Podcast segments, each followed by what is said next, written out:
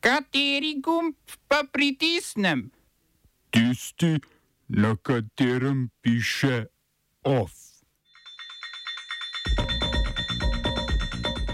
S predlogom novih evropskih fiskalnih pravil nezadovoljni v Nemčiji, Franciji in Italiji.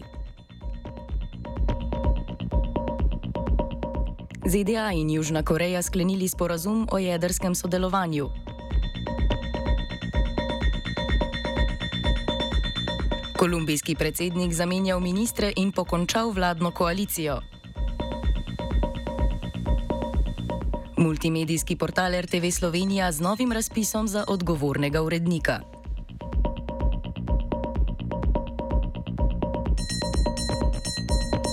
Evropska komisija je predstavila predlog reforme fiskalne zakonodaje, ki nalaga državam članicam, je, katerih javni dolg presega 60 odstotkov bruto domačega proizvoda, da sprejmejo posebne ukrepe za njihovo zmanjšanje, a jim tudi namenja več časa. Do pandemije javni dolg držav članic Evropske unije ni smel presegati 60 odstotkov BDP-ja, proračunski deficit pa je bil lahko največ 3 odstoten. Med pandemijo so bila pravila začasno suspendirana. Reforma bi odpravila pravilo, po katerem mora država članica vsako leto razliko med dejanskim in najvišjim dovoljenim deležem javnega dolga zmanjšati za dvajsetino. Namesto tega bodo morale države oblikovati lastne načrte za zmanjšanje dolga. Finančne kazni za države, ki se pravil ne držijo, so se zmanjšale, da bi bilo sankcioniranje kršiteljic mogoče izvesti. Sankcije se namreč do zdaj v praksi niso izvajale. Nemški finančni minister Kristjan Linder trdi, da v predlogu Evropske komisije ni dovolj varovalk, ki bi zagotovile, da bodo države članice dejansko sledile standardom. Nemčija torej meni, da bi pravila morala biti še strožja.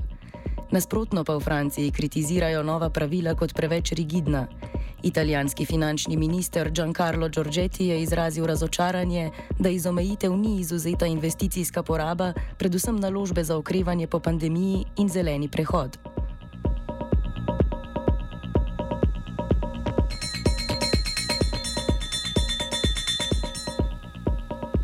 Združene države Amerike in Južna Koreja sta sklenili dogovor o jedrskem orožju. Po sporazumu bodo ZDA in Južno Korejo periodično pošiljale jedrske podmornice in bombnike, ki lahko nosijo jedrske bombe. V zameno se je Južna Koreja zavezala, da ne bo razvijala lastnega jedrskega orožja. ZDA bodo Južno Korejo torej vključile tudi v svoje jedrsko načrtovanje, državi boste ustanovili skupno posvetovalno skupino. ZDA imajo z Južno Korejo že sklenjen sporazum, ki jih zavezuje k obrambi Seula. Periodično pošiljanje jedrskega orožja v Južno Korejo je tako predvsem manifestacija ameriške podpore zaveznici, ki vse skozi opozarja na jedrsko grožnjo severne sosede. O tem, kako razvit je severnokorejski jedrski program, zato ker Severna Koreja testira zgolj balistične rakete brez jedrskih konic, ni dokazal. V Južni Koreji kot odstopu od pogodbe o neširjenju jedrskega orožja pozivajo vojaški akademiki in tudi člani vladajoče konzervativne stranke.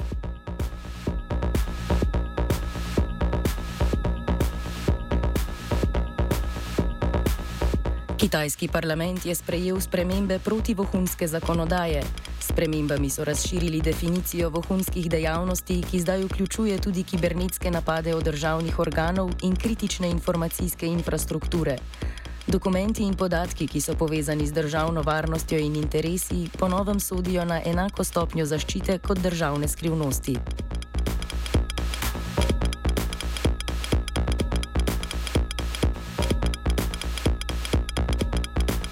Zvezdni sodnik v Braziliji je ukazal začasno suspendiranje komunikacijske aplikacije Telegram. Kot razlog za blokado aplikacije je navedel namerno nesodelovanje Telegrama v policijski preiskavi, saj aplikacija ne želi predati informacij o neonacističnih pogovornih skupinah v državi.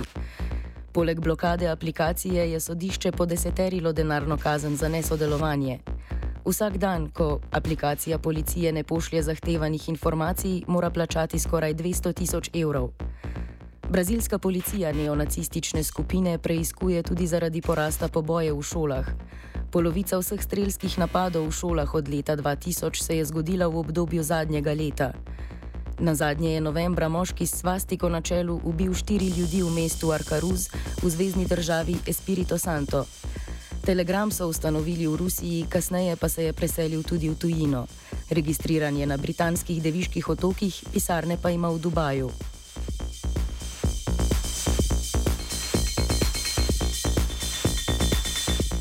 Kolumbijski predsednik Gustavo Petro je zamenjal sedem ministrov, vključno s finančnim, in pokončal trenutno vladno koalicijo.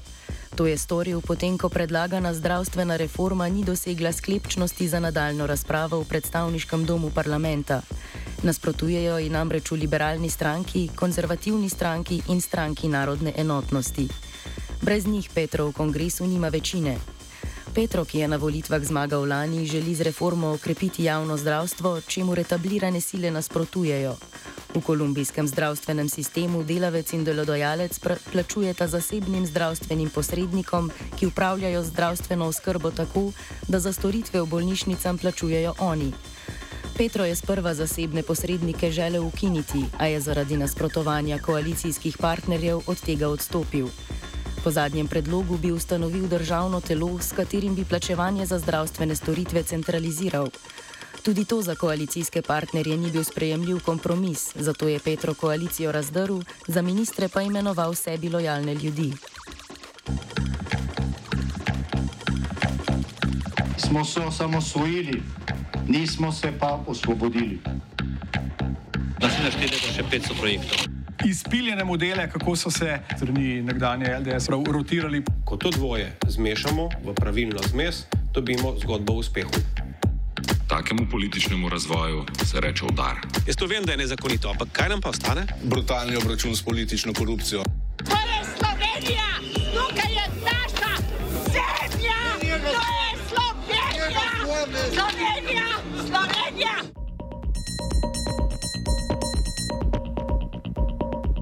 Radio Televizija Slovenija je objavila nov razpis za odgovornega urednika multimedijskega centra, krajše MMC. Na razpis, ki so ga objavili lani poleti, so se prijavili novinarka in urednica na MMC-ju Ksenija Tratnik, nekdanja svetovalka v kabinetu Jane Zajanše Ksenija Koren, zdaj zaposlena na televiziji, ter kulturnik Dušan Hedel. Funkcijo odgovornega urednika uvajajo lanskoletne spremembe statuta, zamenjala pa bo funkcijo urednika uredništva za nove medije, ki jo kot vršilec dolžnosti opravlja Igor Pirkovič. Pojasni Ana Sremšek, dnevna urednica MMC-ja. Odgovorni uh, urednik MMC je ponovno uh, uveden statutom, spremenjenim statutom RTV, ki je bil sprejet uh, poleti lanskega leta. Um, tako se za um, uredništvo um, novih medijev oziroma multimedijskega centra RTV Slovenija znova uh, predvideva funkcija odgovornega urednika. Do zdaj te funkcije kar nekaj let.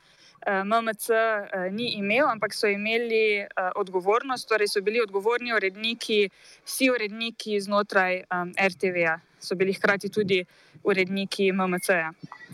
Do zdaj smo imeli samo urednika uredništva, oziroma eh, kar nekaj mandatov urednica uredništva, ki so jo zamenjali z VD urednikom uredništva, kar je zadnje leto po funkciji um, Igor Pirkovič.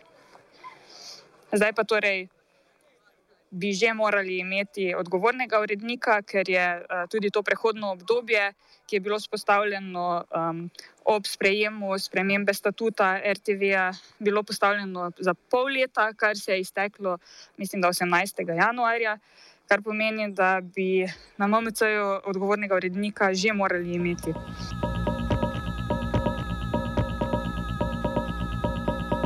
Izbrano kandidatko ali kandidata bi moral imenovati zdaj vršilec dolžnosti, lani še generalni direktor RTV Slovenija Andrej Grahotmal na predlog direktorja Radia Slovenija Mirka Štularja in direktorja televizije Slovenija Uroša Urbanije. Urbanija in Štular se nista mogla uskladiti o predlogu, saj je Štular predlagal Ksenijo Tratnik, Urbanija pa Ksenijo Koren, ki od članov uredništva MMC-ja ni prejela nobenega pozitivnega mnenja. Skoraj vsi so namreč podprli Tratnik. Grah Watmau pa je na mesto izbire med kandidatkama odločil za ponovitev razpisa, saj je po lastnih besedah izbiro videl kot najslabšo možnost. Ponovni razpis komentira Sremšek. Zakaj se zdaj ta razpis ni zaključil in zakaj se zdaj razpisuje nov razpis, nam ni znano, ker na naše poizvedovanja generalni direktor sploh ne odgovarja. Pred dvema tednoma smo motornostni uredniki poslali pismo z vprašanji, kaj je s tem razpisom, ki je bil torej, izveden že jeseni lansko leto, pa nismo dobili nobenega odgovora. Zato so, nas je zdaj le precej presenetilo, da so tik pred prazničnimi dnevi um, objavili nov razpis za odgovornega urednika MMC-ja, um, sploh zato, ker je tudi rok za prijavo dokaj kratek in uh, na vse pretekle izkušnje z tem vodstvom nimamo niti uh, nekega velikega zaupanja, um, da se pač dela vse v dobro MMC-ja. Z današnjim dnem je začela veljati novela zakona o tujcih. Novela po trditvah vlade skupaj z novelo zakona o zaposlovanju tujcev odpravlja administrativne ovire pri izdaji dovoljen za bivanje, lajša zaposlovanje tujcev in poenostavlja postopek menjave delodajalca. Z večjo vlogo Zavoda za zaposlovanje novela razbremenjuje upravne enote in pospešuje obravnave prošen za enotno dovoljenje za poklice v zdravstvu, socialnem varstvu, vzgoji in izobraževanju. Novela ohranja pogoj znanja slovenščine na vstopni ravni za pridobitev dovoljenja za prebivanje na podlagi združitve družine. Pogoj sicer ne bo začel veljati danes, kakor je predvidela novela Medjanševo vlado, ampak v popolnosti ob koncu prihodnjega leta. Žaru na peči nad skali, svinčinkov prsi, partizan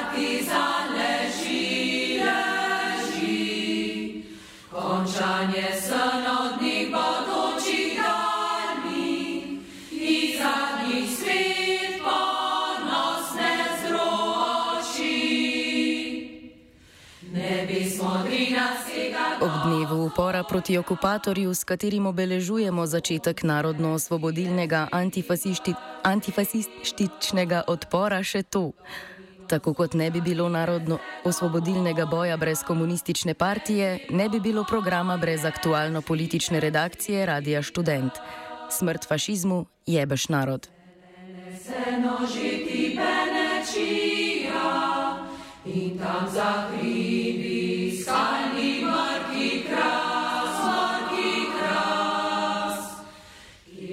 Of je pripravil vajenec Matej, mentorirala je Tija.